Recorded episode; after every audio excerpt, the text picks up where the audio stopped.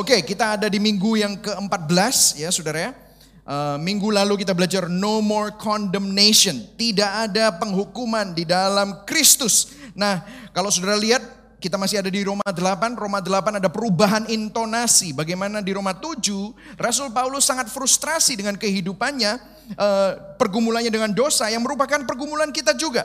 Kita semua masih bergumul dengan dosa. Tetapi puji Tuhan ada perubahan intonasi dan minggu lalu kita belajar bagaimana Rasul Paulus itu mengingatkan kita bahwa perubahan yang terjadi itu bukan dari luar ke dalam, tetapi dari dalam keluar. Di dalam Kristus tidak ada lagi penghukuman. Di dalam Kristus ada affection yang baru, kasih yang baru. Di dalam Kristus ada status yang baru. Nah, kalau saudara belum mengikuti khotbah-khotbah berseri kita, saya ingin mengingatkan saudara, saudara bisa download Gibeon app. Kita mempunyai app sendiri saudara ya. Dan app kita itu setiap hari saudara akan dikirimin renungan harian. 5, jam 5 pagi, tet pasti Anda mendapatkan notifikasi. Saudara ada renungannya, ada bacaannya. Dan juga kalau saudara ingin mereview khotbah. Kalau saudara nggak senang mendengerin khotbah, saudara senang baca ringkasan khotbah setiap minggu ditulis di sana. Saudara nggak senang baca, saudara senang dengar, khotbahnya juga ada di sana. Kalau saudara nggak senang dengerin khotbah terlalu panjang, ringkasan, rekap khotbahnya juga ada di sana. Jadi saudara bisa baca semua, saudara bisa dengarkan. Make sure you download kalau saudara Android di uh, Google Play Store, kalau saudara Apple, saudara ada di App Store ya. Kalau saudara nggak mau download app, saudara bisa pergi ke Spotify, kita juga ada di sana. Saudara nggak mau Spotify, kita juga ada di YouTube. Saudara nggak mau YouTube, kita juga ada di Jux. Jadi saudara nggak bisa mengelak, oke saudara ya. ya, jadi daripada saudara dengerin yang nggak nggak, saudara penuhi hati saudara dengan Injil, oke? Nah hari ini khotbah saya berjudul Hope in the midst of suffering. Jadi bukan cuma hanya Rasul Paulus berbicara tentang pergumulan dengan dosa, tetapi dia juga bicara tentang pergumulan dengan penderitaan. Nah kita akan teruskan, minggu lalu kita akhiri di Roma 8 ayat 17 dan kita akan meneruskan ayat 18 sampai ayat yang 30 kita akan baca bersama-sama bergantian saya baca yang putih, saudara baca yang kuning, oke? Okay? Sebab aku yakin bahwa penderitaan zaman sekarang ini tidak dapat dibandingkan dengan kemuliaan yang akan dinyatakan kepada kita. Ayat 19 saudara. Sebab dengan sangat rindu seluruh makhluk menantikan saat anak-anak Allah dinyatakan. Karena seluruh makhluk telah ditaklukkan kepada kesia-siaan. Bukan oleh kehendaknya sendiri, tetapi oleh kehendak dia yang telah menaklukkannya. Ayat 21. Tetapi dalam pengharapan, karena makhluk itu sendiri juga akan dimerdekakan dari perbudakan kebinasaan dan masuk ke dalam kemerdekaan kemuliaan anak-anak Allah. Sebab kita tahu bahwa sampai sekarang segala makhluk bersama-sama mengeluh dan sama-sama merasa sakit, bersalin. Dan bukan hanya mereka saja saudara, tetapi kita yang telah menerima karunia sulung roh, kita juga mengeluh dalam hati kita sambil menantikan pengangkatan sebagai anak, yaitu pembebasan tubuh kita. Sebab kita diselamatkan dalam pengharapan. Tetapi pengharapan yang dilihat bukan pengharapan lagi.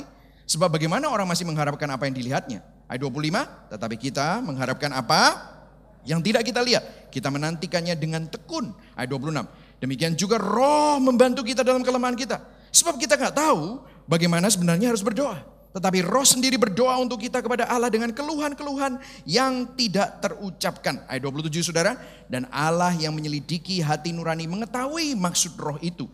Yaitu bahwa ia sesuai dengan kehendak Allah berdoa untuk orang-orang kudus. Kita tahu sekarang bahwa Allah turut bekerja dalam segala sesuatu untuk mendatangkan kebaikan bagi mereka yang mengasihi dia yaitu bagi mereka yang terpanggil sesuai dengan rencana Allah. 29, sebab semua orang yang dipilihnya dari semula, mereka juga ditentukannya dari semula untuk menjadi serupa dengan gambaran anaknya. Sebab ia, anaknya itu menjadi yang sulung di antara banyak saudara. Ayat 30 baca sama-sama. Dan mereka yang ditentukannya dari semula, mereka itu juga dipanggilnya. Nah mereka yang dipanggilnya, mereka itu juga dibenarkannya. Dan mereka yang dibenarkannya, mereka itu juga dimuliakannya. Wah ini ayat predestinasi, saudara ya, bahwa Tuhan sudah mengetahui, ya Tuhan sudah menentukan bahkan ya luar biasa ya saudara ya.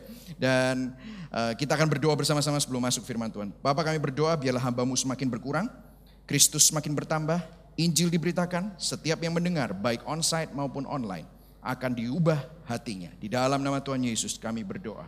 Amin. Nah poin saya ada tiga saudara ya. Yang pertama, di dalam dunia kita pasti mengalami penderitaan.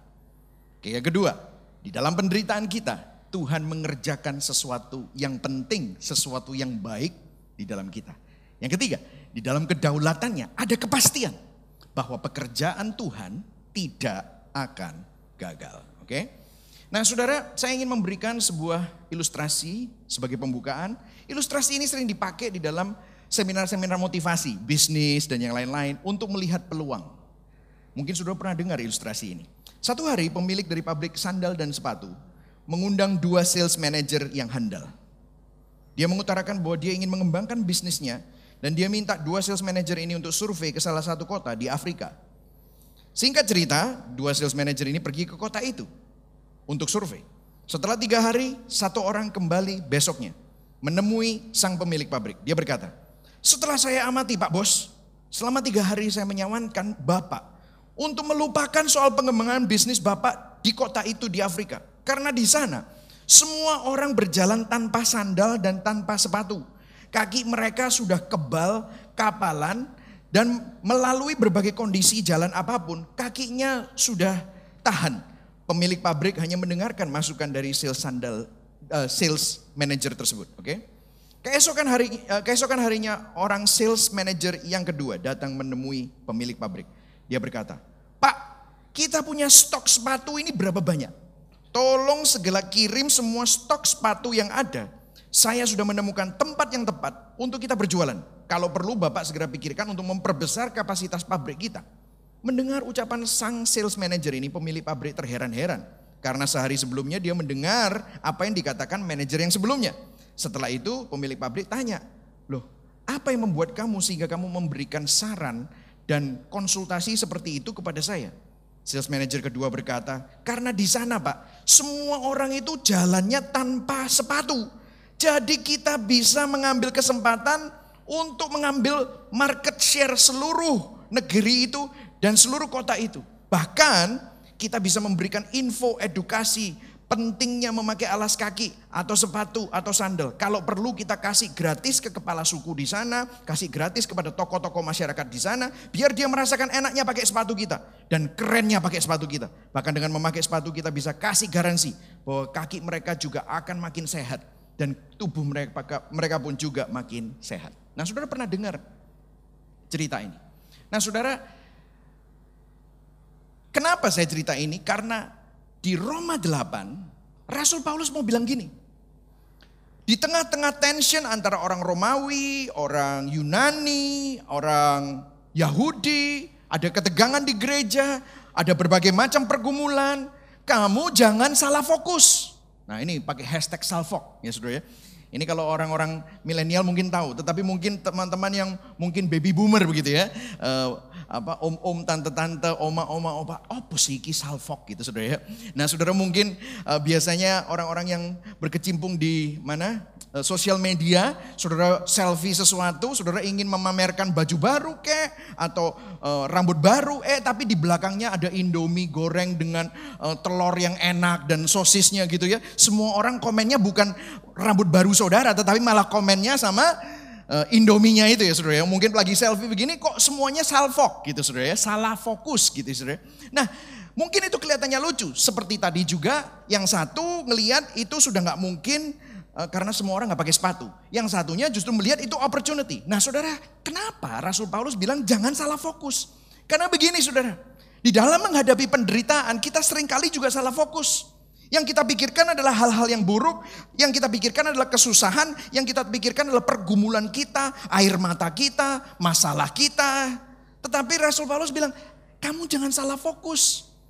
Karena karena kalau kamu salah fokus, hidupmu pasti akan kacau balau. Kamu harus pakai kacamata Alkitab. Kamu harus pakai kacamata the world view of the Bible.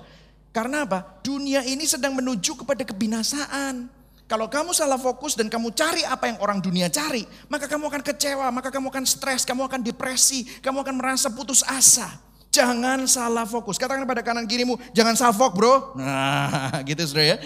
Jangan salfok. Kenapa? Karena menurut saya perubahan pandangan itu lebih penting daripada perubahan keadaan. Betul atau tidak? Sebelum keadaan saudara berubah, saudara perlu belajar untuk mengubah cara pandang saudara.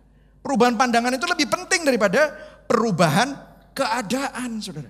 Nah, itulah sebabnya Roma 8 ayat 18 berkata, sebab aku yakin bahwa penderitaan zaman sekarang Itu tidak dapat dibandingkan dengan kemuliaan yang akan dinyatakan kepada kita.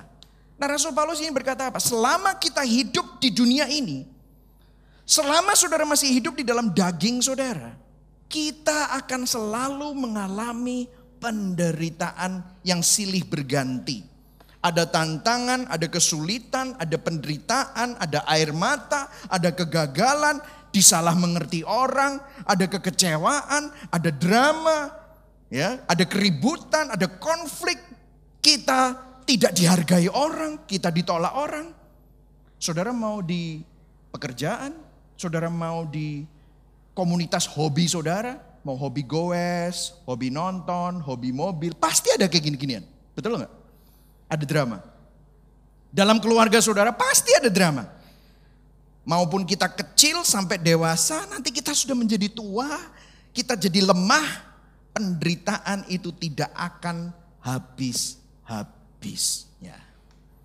Betul atau betul saudara? Gak bisa kita mengelak. Nah, Rasul Paulus bilang gini, kalau kita terus menuntut Tuhan untuk menjadi kayak seperti apa ya, sugar daddy untuk memberikan solusi kepada masalah-masalah kita, ini gak akan habis-habis. Kalau yang kamu cari adalah terobosan, yang kamu cari adalah mujizat, yang kamu cari adalah solusi untuk masalahmu, saya nggak bilang itu salah.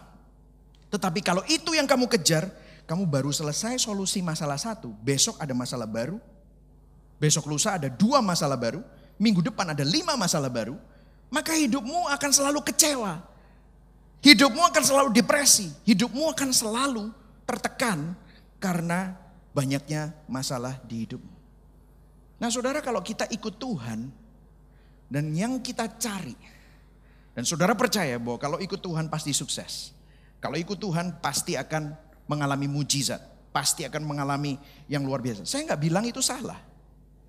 Tetapi yang ngomong ini bukan saya. Tetapi Yesus sendiri bilang apa di Yohanes 16 ayat 33. Ini bukan pendeta yang ngomong. Bukan nabi yang ngomong. Tetapi Yesus sendiri Rupanya orang yang sudah diselamatkan di dalam Yesus Kristus tidak luput dari penderitaan. Oke kita baca sama-sama, saya udah sering quote ini tetapi mungkin ada saudara-saudara yang baru atau lupa. Kita baca sama-sama, ayo kita baca. Satu, dua, tiga. Semuanya ini kukatakan supaya kalian mendapat sejahtera karena bersatu dengan aku. Stop dulu ya, jadi Tuhan ngomong ini untuk tenang. Aku sama kamu itu bareng. Aku bersatu dengan kamu. Nah kemudian dia ngomong apa? Satu, dua, tiga di dunia kalian akan menderita. Lihat. Di dalam dunia kita pasti menderita. Ini mungkin saudara datang ke gereja, gila men pendetanya hari ini depressing bro. Ngomongin penderitaan. Di dunia ini bukan saya yang ngomong. Kalau saya nggak korbain Yesus, ini masalah. Tapi Yesus yang ngomong. Di dunia kalian akan menderita. Tetapi, ayo baca sama-sama tabahkanlah hatimu, aku sudah mengalahkan dunia. Mungkin saudara bilang, tapi kan Yesus kalau deket Yesus terlalu enak loh pastor. Orang buta disembuhkan, keren lu ngeliat kayak gitu tuh, keren ya. Oh, lima roti dua ikan jadi lima ribu, ngasih makan lima ribu orang. Bersama dengan anak istrinya dua puluh lima ribu, wih keren banget gitu ya. Saudara, gini ya saudara. Pertama kita harus sadar, Yesus itu saya kasih contoh nih di kitab Injil. Ya. Saya kasih contoh misalnya dia di Bethesda. Saudara masih ingat gak waktu Yesus ke Bethesda itu tempat yang kolamnya itu kalau digoyangkan malaikat orang nyemplung di sana disembuhkan. Masih ingat ceritanya? Kalau saudara masih ingat bisa angguk-angguk ya? Ya oke okay, oke. Okay. Ingat ya? Nah saudara waktu Yesus masuk ke situ, apa yang dia lakukan? Apakah dia bikin KKR? Kesembuhan ilahi? No. Dia cuma datengin satu orang yang 38 tahun sudah lumpuh sejak lahir. Dia bilang, kamu mau berjalan gak? Pertanyaan apa itu? Orang itu udah jelas-jelas di situ, dia butuh mujizat. Tapi ditanyain begitu, dia alasan macam-macam, langsung bangkit. Berjalanlah, angkatlah tilammu. Langsung berjalan. Orang kan heboh, itu tempat orang sakit, betul ya? Coba bayangkan, ada satu orang nyembuhin orang itu dan di tengah itu penuh dengan orang sakit. Kira-kira heboh nggak? Heboh. Terus kemudian semuanya pasti, eh gue dong, gue juga mau disembuhin dong. Aku mau sembuh, aku mau sembuh, aku mau sembuh. Tapi apa yang Yesus lakukan? Dia cabut. Saudara saya, intinya ya saudara, Yesus bangkitkan Lazarus. Bangkit. Tapi ada berapa banyak orang mati yang nggak dibangkitkan sama Yesus? Yesus mencelikan mata orang buta di saat itu. Kira-kira di situ ada orang mengemis buta yang lain nggak? Pasti ada. Kenapa kok cuma satu yang disembuhkan? Nggak semua. Jadi gini loh saudara, memang benar ada mujizat, memang benar ada terobosan. Tetapi nggak semua itu rata. Kenapa? Gini, kalau kita ikut Tuhan dan kita berharap bahwa masalahmu pasti akan selesai, bahwa masalahmu itu pasti akan mendapatkan mujizat. Oh, sakit penyakitmu pasti disembuhkan. Mujizat itu ada terjadi kepada beberapa orang dan itu merupakan kedaulatan Allah. Dan inti dari kekristenan itu bukan waktu kamu sakit kamu pasti sembuh, waktu kamu butuh terobosan pasti mendapatkan terobosan. Inti kekristenan itu bukan itu. Karena buktinya waktu Yesus ada di dunia juga nggak semuanya mengalami mujizat. Halo, sudah mulai menangkap apa yang saya katakan? Karena kalau saudara mendasarkan iman saudara berdasarkan apa yang saudara dapat, saya jamin saudara akan kecewa. Dengarkan saya, kalau orang tadi katekismusnya bagus banget saudara. Waduh, saya sangat diberkati dengan katekismusnya. Kalau orang ikut Tuhan, berpikir dia sudah mengorbankan waktu untuk pergi ke gereja melayani Tuhan, memberikan perpuluhan, wah, ya kan? Terus habis itu melakukan ini dan itu. Dia pasti berharap untuk mendapatkan sesuatu dari Tuhan. Tetapi ternyata apa yang diharapkan tidak didapat. Apa yang terjadi? Dia kecewa. Kalau kamu kecewa, kamu sebenarnya nggak cinta Tuhan. Karena kamu hanya memanfaatkan Tuhan untuk mendapatkan apa yang kamu mau. Betul atau tidak? So, Itulah sebabnya Rasul Paulus ingin bilang jangan salah fokus. Jangan nyarinya itu hal-hal yang seperti itu. Kenapa? Di dalam dunia kita semua pasti mengalami penderitaan. Yang setuju katakan amin. Yang setuju katakan jangan salah fokus bro. Amin. Katakan sama dirimu jangan salah fokus. Amin. Jangan cuma hanya cari mujizat jasmani. Karena esensi kehidupan yang sesungguhnya itu bukan itu saudara. Lihat 1 Petrus 2 ayat 21 dikatakan. Kita baca sama-sama. 1, 2, 3. Untuk itulah Allah memanggil kamu. Apa kira-kira? Karena Kristus sendiri yang sudah menderita bagi kita dan dialah yang menjadi contoh bagi kita supaya ayo kita baca sama-sama supaya apa? Kita bisa bertahan di dalam penderitaan seperti dia. Sih? Bukan saya yang ngomong, ini Rasul Petrus yang ngomong. Jadi, aduh, kita ini perlu berubah, bertobat, jangan salah fokus. Yang setuju katakan amin. 2 Korin, eh, 1 Petrus 4 ayat 12 sampai 13. Ya. Ini ini lebih keren lagi. Ini Alkitab mudah dibaca versinya, ya. Lihat. Saudara-saudari yang terkasih. Ayo kita baca yang koma itu ya. Dia garis bawahi. Satu, dua, tiga. Janganlah kaget terhadap cobaan yang kamu alami yang menguji imanmu, janganlah menganggap bahwa sesuatu yang aneh sedang terjadi padamu. Jangan kaget. Katakan sama-sama jangan kaget. Katakan pada kanan kirimu jangan kaget bro. ya. Dibilang apa? Oh kalau ada sesuatu yang buruk terjadi padamu, oh seakan-akan itu adalah sesuatu yang aneh sedang terjadi padamu. No, no, no, no. Itu sesuatu yang normal. Amin saudara. Normal. Lihat, lihat. Ayat 13. Tetapi bersukacitalah karena kamu menjadi bagian dalam penderitaan Kristus. Kamu akan bahagia dan penuh kegembiraan ketika kemuliaannya ditunjukkan ke dunia. Saudara, sering kali yang menyedihkan adalah di gereja mereka berpikir kalau ada sesuatu penderitaan terjadi. Ini para pendeta kita semua perlu bertobat. Soalnya bilangnya begini, mungkin kamu kurang doa. Mungkin kamu kurang kalau yang matre, yang suka dimuat di gereja palsu. Atau nggak tahu lah, yang mana banyak banyak sekali itu ya, satir. Mungkin kamu kurang perpuluhan. Kita perlu bertobat. Kenapa? Kalau itu yang menyebabkan kamu mendapatkan itu semua, berarti keselamatanmu juga berdasarkan perbuatanmu Yesus nggak perlu datang. Halo.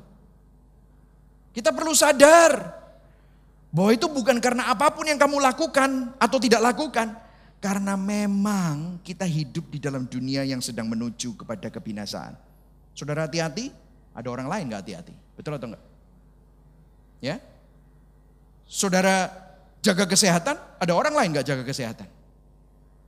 Saudara jujur, ada orang lain yang nikung saudara. Kalau orang Surabaya bilang, ngecak duitku. Hmm, ya kan? Duit saudara dicak. Nipu. Jadi inilah dunia yang masuk dalam kebinasaan.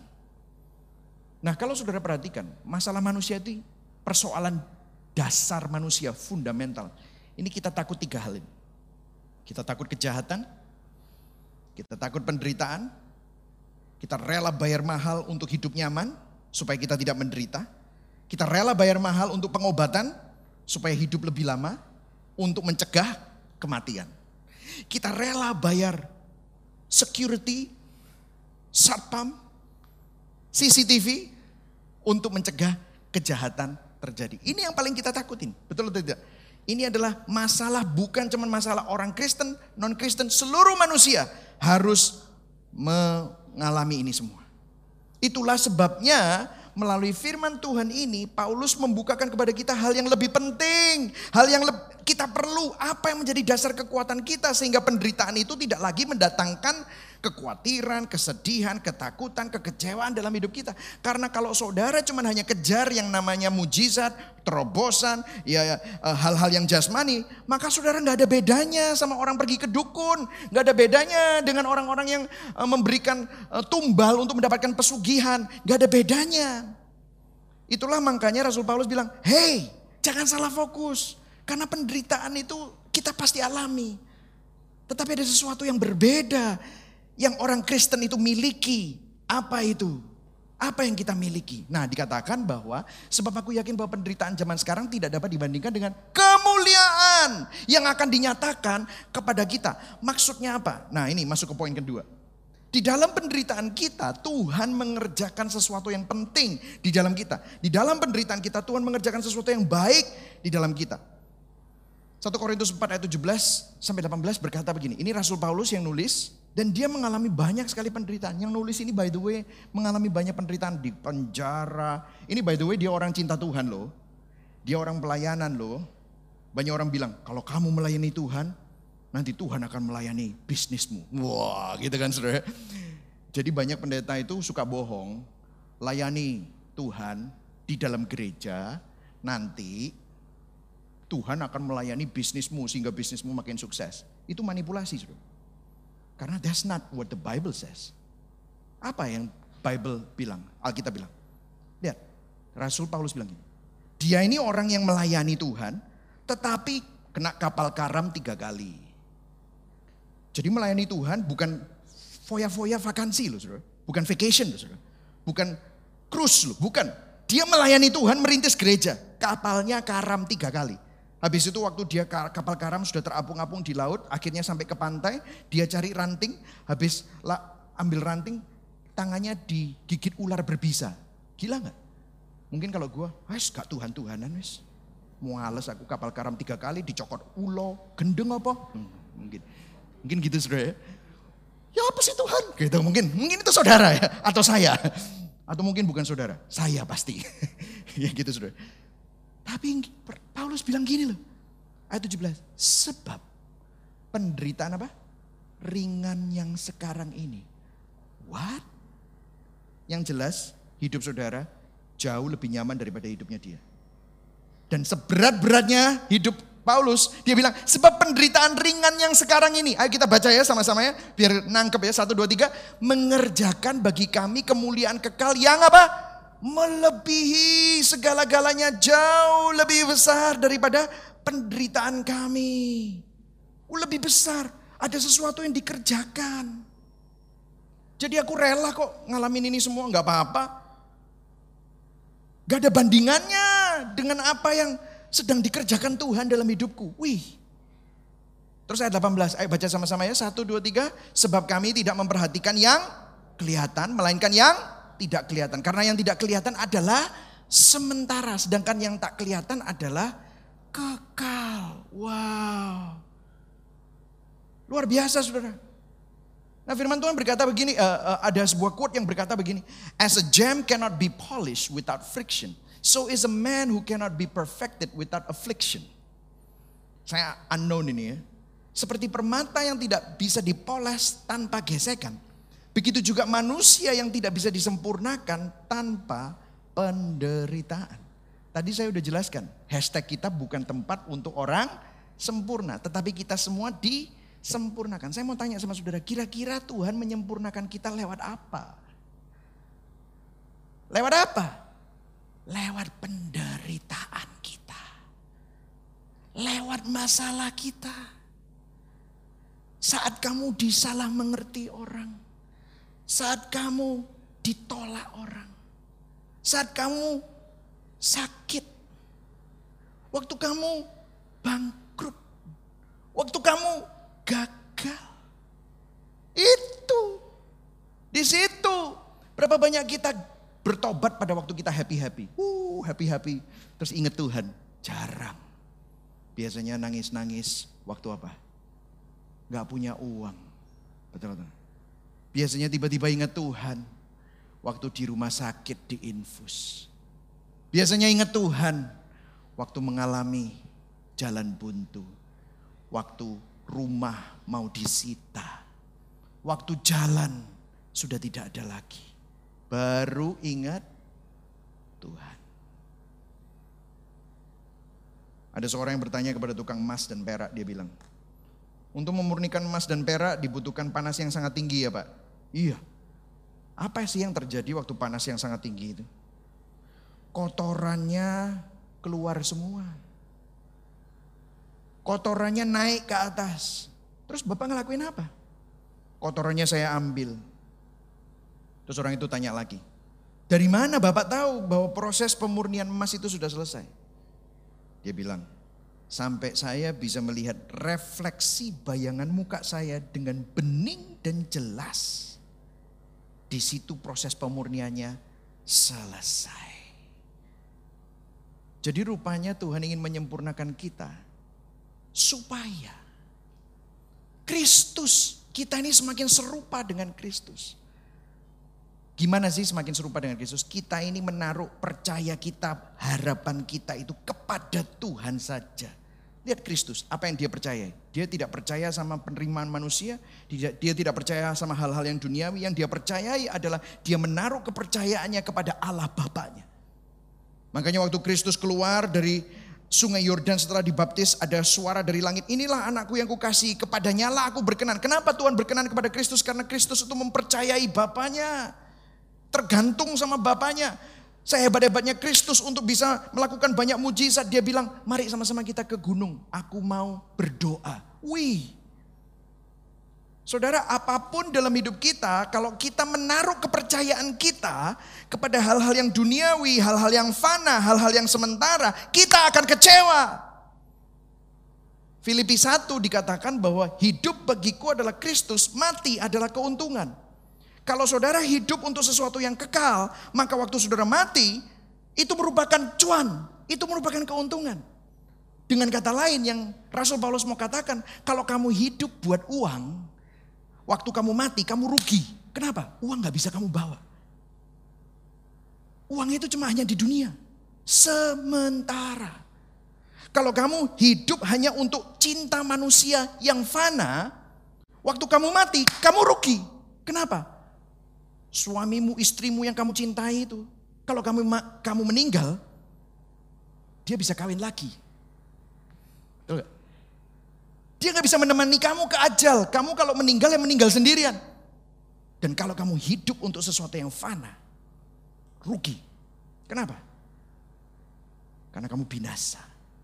Kalau untuk kalau kamu hidup untuk pengakuan manusia, kalau kamu mati kamu pasti rugi. Kenapa? Pengakuan manusia itu hari ini bisa mengakui kamu hebat, menerima kamu hebat. Minggu depan kamu salah sedikit, mereka bisa tinggalkan kamu.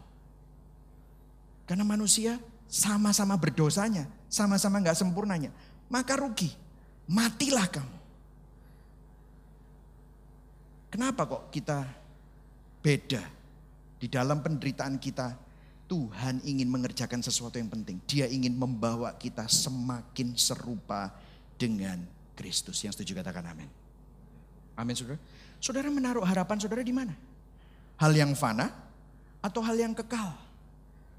Ayat 19 dikatakan, sebab dengan sangat rindu seluruh makhluk menantikan saat anak-anak Allah dinyatakan. Karena seluruh makhluk telah ditaklukkan kepada kesia-siaan. Bukan oleh kehendaknya sendiri tetapi oleh kehendak dia yang telah menaklukkannya. Jadi sejak dunia jatuh dalam dosa, ini uh, dunia ini memiliki kesia-siaan, futility. Bahasa Inggrisnya futility. Futility itu uh, for, uh, pointlessness. Kegagalan, ketidakuntungan, kekosongan, hopelessness, ketidakbergunaan, kemandulan, tidak bermakna. Inilah futility. Jadi semuanya sia-sia. Nah sebenarnya Rasul Paulus ini sedang mengutip sebuah seorang raja namanya Raja Salomo. Kata-katanya sama karena Raja Salomo adalah raja yang paling kaya, yang paling uh, sukses, dia punya segalanya, dia pernah eksperimentasi dengan uh, real estate, berkebun, dengan hedonisme, dengan seks. Dia punya 700 selir, 300 istrinya saudara. Jadi maksudnya apa? Kalau istri dan selir-selirnya itu satu malam satu orang, tiga tahun baru muter saudara. Gak gila saudara. Dan dia bilang apa? Dikutip oleh Rasul Paulus, ini ayat originalnya. Pengkhotbah 1 ayat 14. Aku telah melihat segala perbuatan yang dilakukan orang di bawah matahari. Tetapi lihatlah, yang kuning baca semua. Satu, dua, tiga. Segala sesuatu adalah kesia-siaan dan usaha menjaring. Saudara pernah jaring angin? Gak dapat apa-apa saudara. Usaha menjaring angin. Sia-sia. Kalau saudara baca pengkhotbah, saudara nanti baca aja di pengkhotbah. Depresi saudara. Dia bilang gini, kerja susah-susah yang nikmati anakmu. Kamu yang ngumpulin, anakmu yang ngabisin. Nah gitu. Tidak ada yang baru, kamu pikir itu baru. Lihat ke belakang 10 tahun yang lalu. Sudah ada orang yang pakai. Cuma sudah ketinggalan zaman, mereka kehabisan bahan 10 tahun kemudian diulang lagi. Betul atau enggak? Ya kan? Ini kan fashion kita semua. Ini kan 10 tahun yang lalu, 20 tahun yang lalu sudah ada cuma modifikasi sedikit-sedikit sana sini. Betul ya? Semuanya nggak ada yang baru, kesia-siaan. Dan selain itu, selain persoalan manusia tentang kejahatan, penderitaan, kematian, pergumulan eksistensial manusia ini ya ini. Manusia selalu berusaha cari makna, tetapi maknanya kepada hal-hal yang fana, maknanya kepada hal-hal yang sementara. Tujuan hidup, tujuan hidupnya bukan untuk kekekalan, tetapi tujuannya hidupnya untuk jadi orang kaya, untuk punya rumah yang besar, kerja banting tulang mati-matian, supaya apa? Rumahnya nambah 100 meter persegi. Bayarnya berapa miliar? Kerja banting tulang, supaya nambah 200 meter persegi, 400 meter persegi. Untuk apa? Sebidang tanah. Supaya bisa apa? Naik mobil yang lebih mewah. Supaya bisa apa? Nyekolahin anak lebih tinggi. Di luar negeri. Sekolah yang bagus. Nanti muter aja supaya punya cucu. Habis itu mati. Maknanya tuh, tujuannya. Kita beli barang mahal-mahal, kerja keras, utang sana sini. Supaya apa? Diterima, diakui, dihargai. Pergumulan eksistensial manusia. Semua sia-sia. Itu yang dikatakan Raja Salomo. Saudara mau taruh pengharapan di mana? Hal-hal yang fana atau hal-hal yang kekal? Jangan salah fokus. Katakan sama-sama, jangan salah fokus. Amin saudara. Ayat 21. Tetapi, I like it. Tetapi, dalam pengharapan karena makhluk itu sendiri juga akan dimerdekakan dari perbudakan kebinasaan. Masuk dalam kemerdekaan kemuliaan anak-anak Allah. Sebab kita tahu bahwa sampai sekarang segala makhluk sama-sama mengeluh. Sama-sama merasa sakit bersalin. Saudara tahu nggak saudara? Dunia ini juga mengeluh. Sama-sama merasakan apa yang kita rasakan. Saudara, saya berusaha untuk menjaga kesehatan ya. Tetapi ada yang namanya second law of thermodynamic. Second law of thermodynamic itu perfection, apa yang sempurna, itu akhirnya akan mengalami korupsi, akhirnya akan hancur. Saya kasih contoh ya, misalnya kalau misalnya kayu, kayu sudah dibakar, jadi kayu bakar, akhirnya setelah ada api, ada energi yang dikeluarkan, maka kayu itu jadi abu. Saya mau tanya sama saudara, abunya bisa jadi kayu lagi nggak? Nggak bisa. Itu namanya second law of thermodynamic. Jadi abu ya sudah jadi abu. Kita harus nanam kayu lagi supaya kayunya dalam beberapa lama jadi pohon sehingga kita punya kayu lagi. Tapi kalau tanahnya itu tidak dikerjakan dan tidak dipelihara, lama-lama tanahnya juga nggak bisa menumbuhkan lagi. Sehingga lama-lama bumi ini habis. Energi ini habis, makanya sekarang itu kita ini lagi musim untuk apa? Sustainable energy, renewable energy, recycle. Kenapa? Karena bumi ini makin lama makin habis.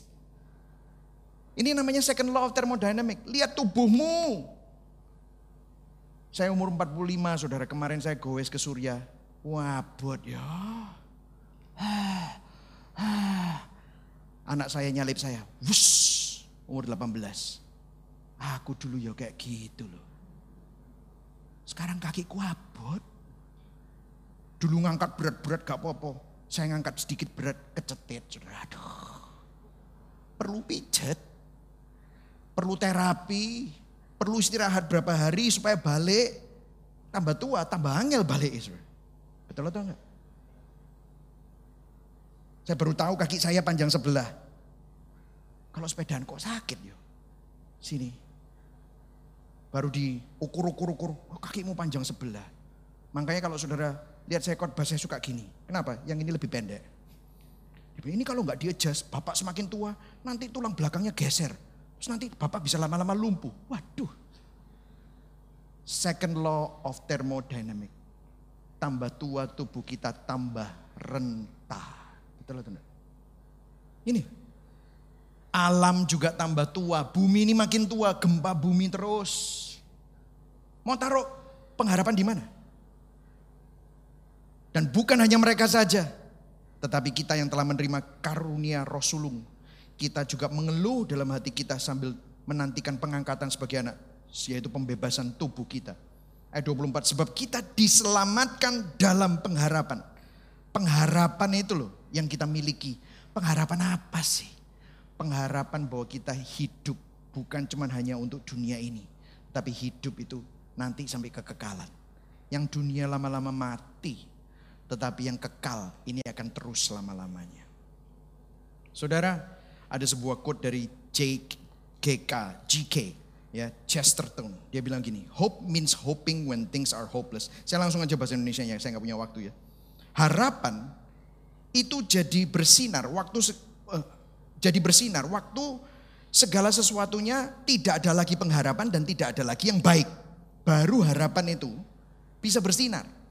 Selama semua masih baik-baik saja, maka sebenarnya pengharapan hanyalah omong kosong dan basa-basi. Hanya ketika semuanya hancur berantakan dan tidak ada lagi pengharapan, maka pengharapan yang sesungguhnya itu mulai menguatkan. Kan pertanyaannya begini, oke okay, pastor, I get it, oke okay, oke okay, oke okay, oke. Okay. Cukup cukup cukup, aku cukup depresi ini dengerin. Dari tadi pastor ngomong pen, penderitaan. Iya sih. Memang hidup kita ini banyak penderitaannya. Apalagi saat pandemi ini. Ini firman cocok. Kenapa? Semuanya loss. Bisnis banyak loss. Dalam kehidupan kita banyak hal yang hilang. Gak bisa travel, jalan-jalan gak bebas. Betul ya saudara? Income menurun. Orang-orang yang kita cintai juga ada yang meninggal, dipanggil Tuhan, loss.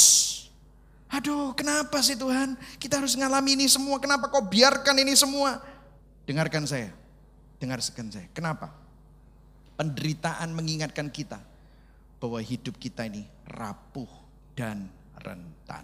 Betul atau tidak? Hari ini saudara bisa ada. Besok saudara belum tentu ada. Kita nggak bisa prediksi 10 menit ke depan. Saudara bisa punya plan. Tetapi 10 menit ke depan saya nggak pernah tahu apa yang akan terjadi dengan hidup saya. Saya masih ingat tahun 2014 waktu saya mendapatkan telepon waktu saya lagi khotbah di uh, San Francisco, saya ditelepon uh, sama adik saya, papa papa meninggal. Saya sampai waktu pulang, apa yang terjadi hari itu? Di hari Minggu, kebaktian dua kali sudah. Sempat makan sama pembicaranya. Pembicaranya bilang, ditanyai sama papamu aku, umur berapa kamu? Wow, Eke kalau ngomongnya Eke Y kan, Holland Spreken. Oh Eke umur segini gitu-gitu. Terus dia bilang Eke umur 70. Itu sudah anugerah Tuhan. Kalau lebih dari itu, itu benar-benar anugerah kalau kita bisa lebih dari itu. Sorenya saudara, setengah jam 4 sore dia mandi. Habis itu tidak pernah keluar dari kamar mandi karena kena brain aneurysma. Hidup kita rapuh dan rentan. What are you living for? Kita ini hidup untuk apa? Baca yang pertama, biar ingat ya. Satu, dua, tiga.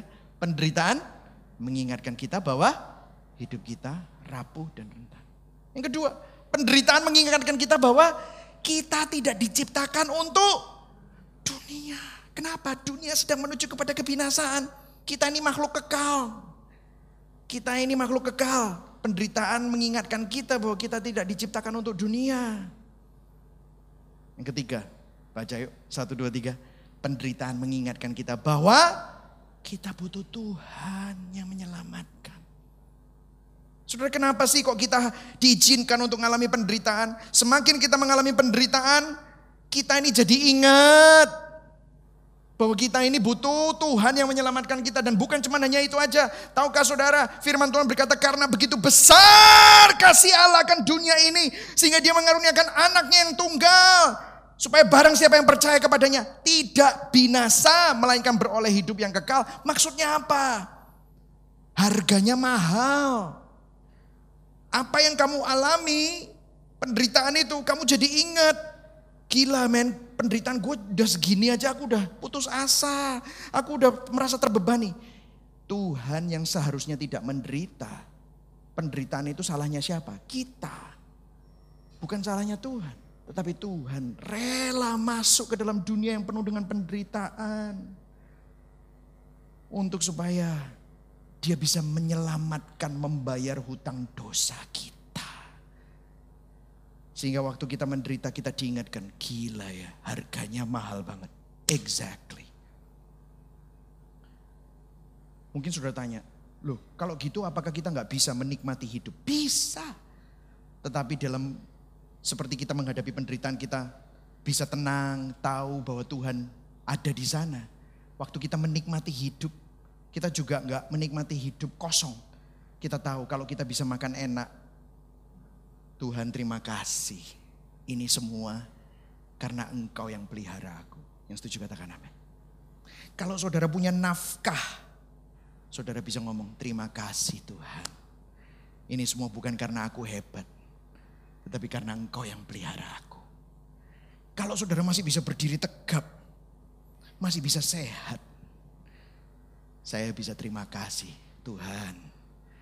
Aku masih dikasih kesempatan untuk melayanimu. Sehingga semua kebaikan kita bisa melihat Tuhan di sana. Begitu juga waktu kita menderita pun kita bisa melihat. Waktu aku menderita Tuhan sedang mengerjakan sesuatu yang baik. Supaya aku tidak menaruh pengharapanku kepada uang.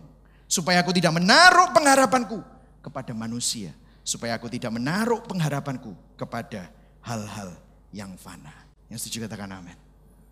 C.S. Lewis berkata begini, We can ignore even pleasure. Kita bisa menghiraukan kenikmatan. But pain insists upon being attended to. Penderitaan itu selalu memaksa kita untuk memikirkan ulang segala sesuatu. Saudara pas lagi senang-senang, saudara nggak terlalu mikir banyak ya. Tapi waktu menderita itu loh, saudara biasanya banyak mikir.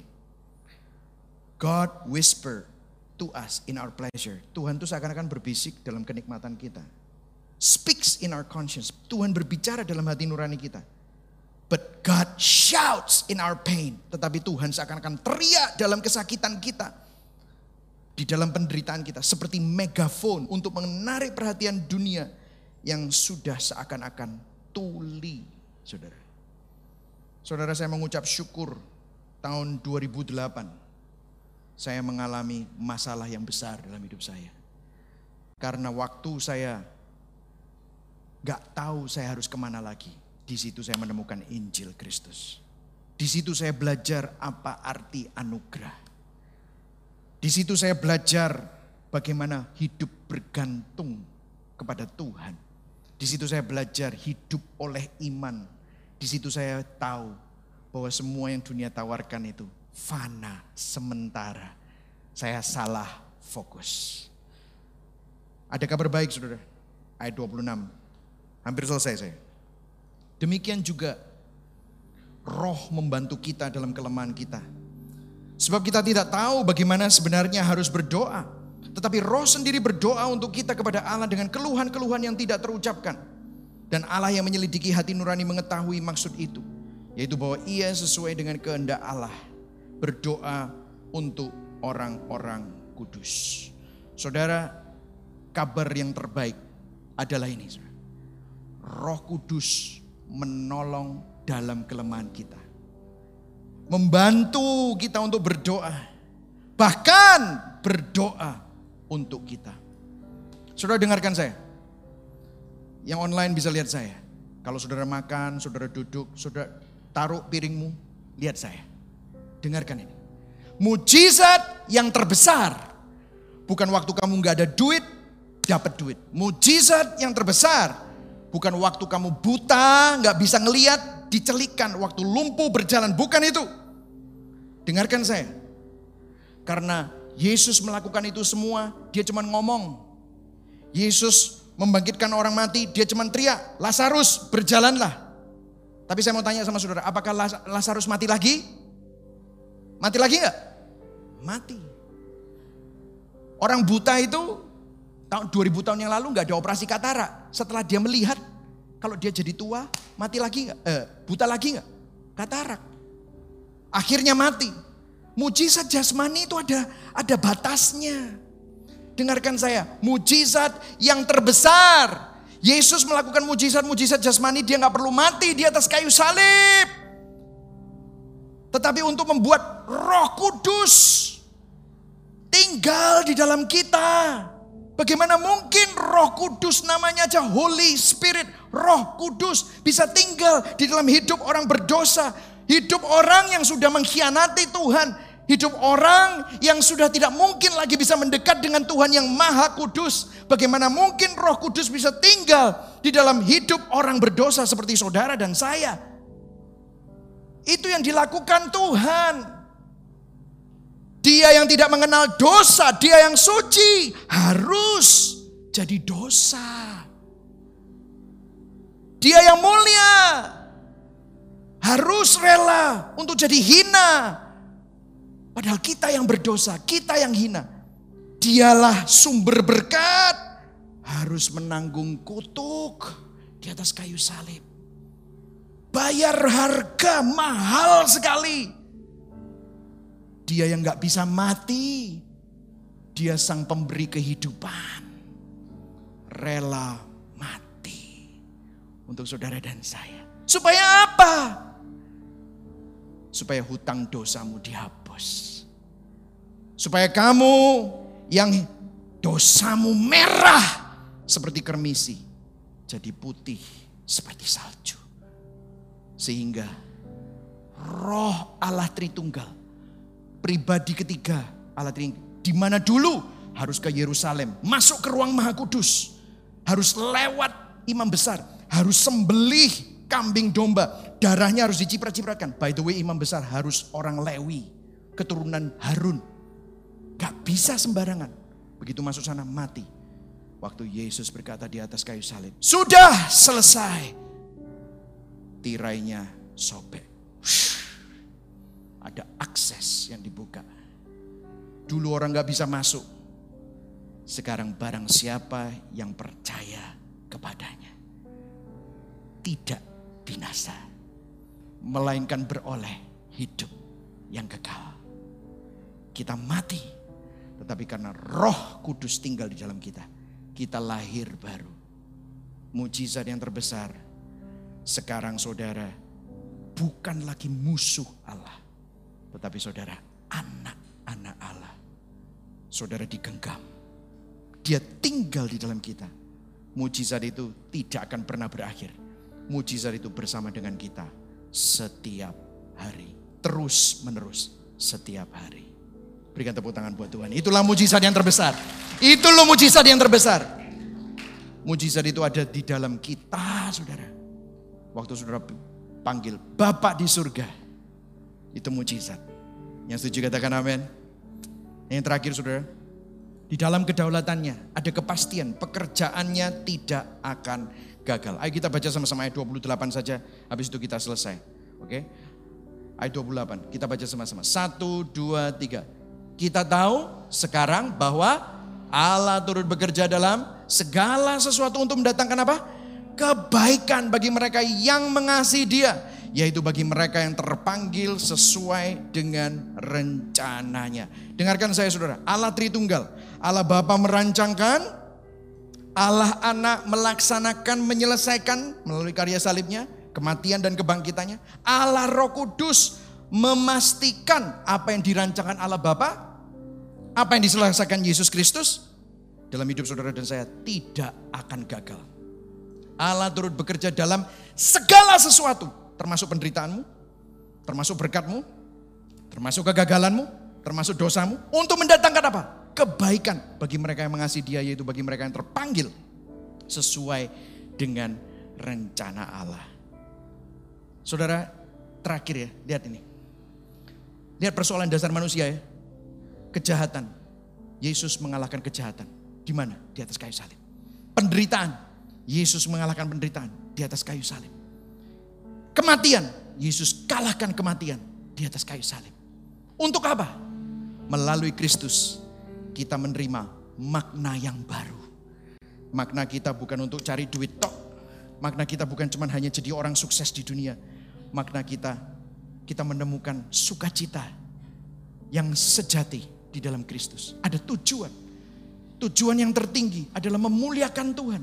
Kalau saudara hari ini memuliakan Tuhan bukan karena saudara ingin dapat apa-apa. Tetapi karena saudara sudah mendapatkan yang terbaik dari Tuhan. Itulah sebabnya saudara bisa tersenyum. Terima kasih Tuhan. Kalau saudara melayani Tuhan, memberi, saudara men, me, memuji Tuhan. Itu bukan ada agenda tertentu. Itu ungkapan dari kasihmu. Siapa yang memberikan penerimaan tertinggi? Tuhan menerima kamu. Tuhan mengakui kamu. Tuhan menghargai kamu. Padahal kita nggak berharga. Kita tidak layak diterima. Kita mestinya ditolak. Siapa yang ditolak? Kristus ditolak. Supaya apa? Saudara dan saya diterima. Kristus bayar harga. Supaya saudara dan saya yang tidak berharga. Jadi sangat berharga. Amin saudara. Mari sama-sama kita panggil berdiri. Kita berikan tepuk tangan buat Tuhan Yesus sekali lagi. Amin saudara.